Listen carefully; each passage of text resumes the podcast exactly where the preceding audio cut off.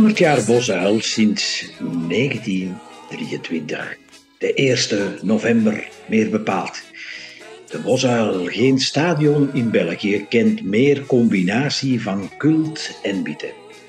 Op 1 november 2023 viert de Antwerp voetbaltempel de 100ste verjaardag. In deze podcastserie van het Voetbalmuseum vertellen we in 10 afleveringen over de vergeten geschiedenis van rode en witte duivels in de hel van Deurne. Van Engeland 1923 tot Brazilië 1988. In deze 65 jaar werden liefst 40 officiële en 2 officieuze interlands gespeeld op de Bosuil, waaronder 35 derbies der lage landen, met andere woorden België, Nederland. En met tussendoor als klapstuk ook de halve finale van het Europees kampioenschap voor landenploegen in 1972 tegen West-Duitsland voor een record van meer dan 60.000 kijkers. Welkom bij het Voetbalmuseum, een podcastserie van schrijver Raf Willems. In onze reeks 100 jaar Bosuil op 1 november 2023 vertellen we u over de vergeten geschiedenis van rode en witte duivels in de hel van Deurne. Van Engeland 1923 tot Brazilië 1988. Vandaag behandelen we aflevering 9 van de 10 België-Nederland op uh, 26 maart 1977. Een kwalificatiewedstrijd voor de Wereldbeker van 78 in Argentinië. Eindstand 0-2 voor een kleine 40.000 toeschouwers. Het belang van deze match zou zich achteraf aantonen. Het was immers de allerlaatste interland van Christian Pio, de beste Belgische doelman aller tijden, althans toen.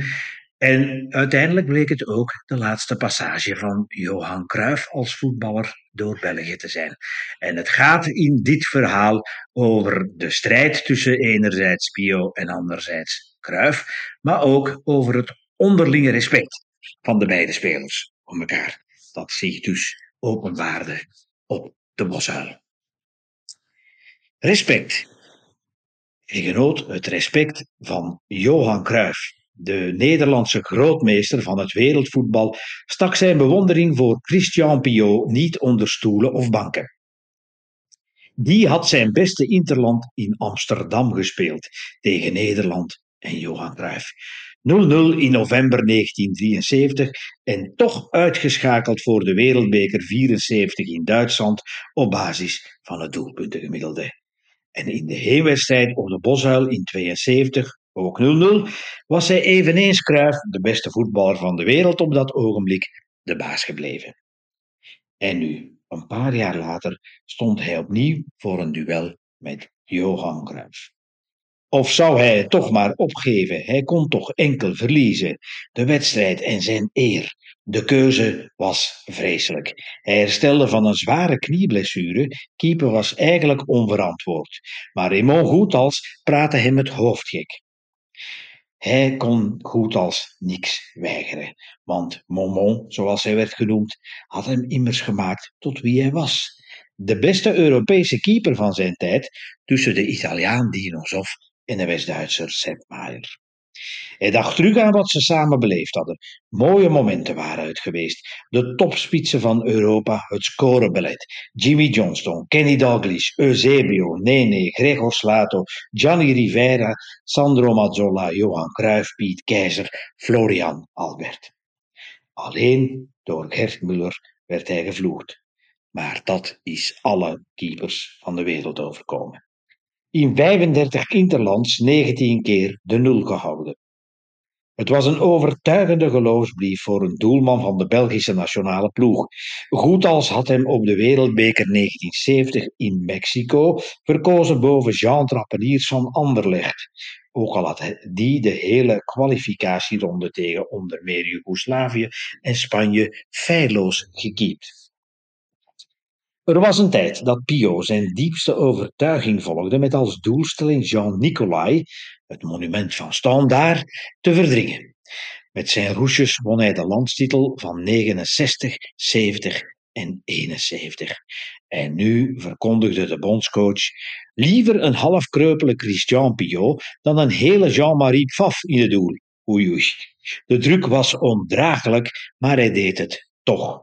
Christian Piot, rots in de branding van Standaard en de destijds Witte Duivels, zou als van ouds het vaderland redden. Zo dacht Piot terug aan een van de noodlottigste dagen uit zijn loopbaan. Die zonnige zondag in april 1976. De dag waarop Johan Cruijff zijn 29ste verjaardag vierde. De derby der lage landen bij de zee was dit keer een van de kwartfinales om het Europese landenkampioenschap en gespeeld in Rotterdam in de Kuip van Feyenoord.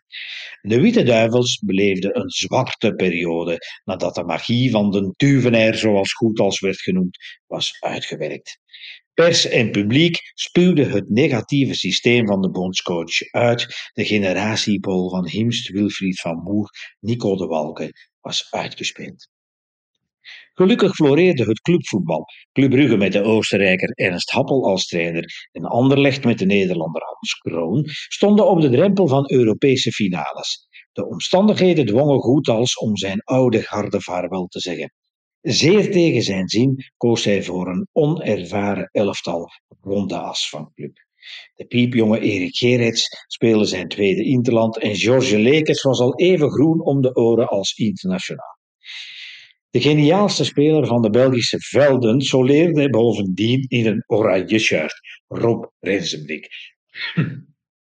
De linkerspits van Anderlecht kenmerkte zijn spel met wonderbaarlijke kronkels en bewegingen. Hij draaide Erik Gerritsdol en scoorde drie keer.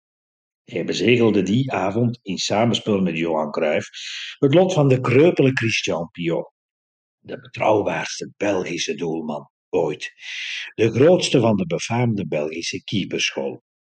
Het werd 5-0. Schrale troost, Johan Cruijff had niet tegen hem gescoord. Alweer niet. Daar dacht hij dus aan, net voor hij het veld betrad op 26 maart 1976. Voor de match België-Nederland, die in het teken stond van de wereldbekerdeelname van 78. Het zou uiteindelijk de laatste keer zijn dat hij tussen de palen stond van de Rode Duivels. Bij wijze van afscheid voor zijn veertigste Interland opnieuw tegen Nederland. Het was van kwaad naar erger gegaan met hem, sukkelend van de ene blessure in de andere, stoppen vechten terugkeren en opnieuw geveld worden. De nieuwe bondscoach Gietijs had hem gevraagd om voor de belangrijkste kwalificatiematch voor het WK 78 de geblesseerde Jean-Marie te vervangen. Hij accepteerde het aanbod. Alles was beter dan de herinnering te gaan met die ellendige 5-0 nederlaag in Rotterdam. En misschien hield hij opnieuw Johan Cruijff van een doelpunt. Hij maakte deze gedachte waar tot even voorbij het uur. Dan gliep de Cruijff door de verdediging en bezegelde met een fraaie lop zijn lot. Een teken van wederzijdse erkenning volgde zijn aai over de bol van Cruijff en iets wat op een handdruk leek. Met dit afscheid kon hij, Christian Piot, leven.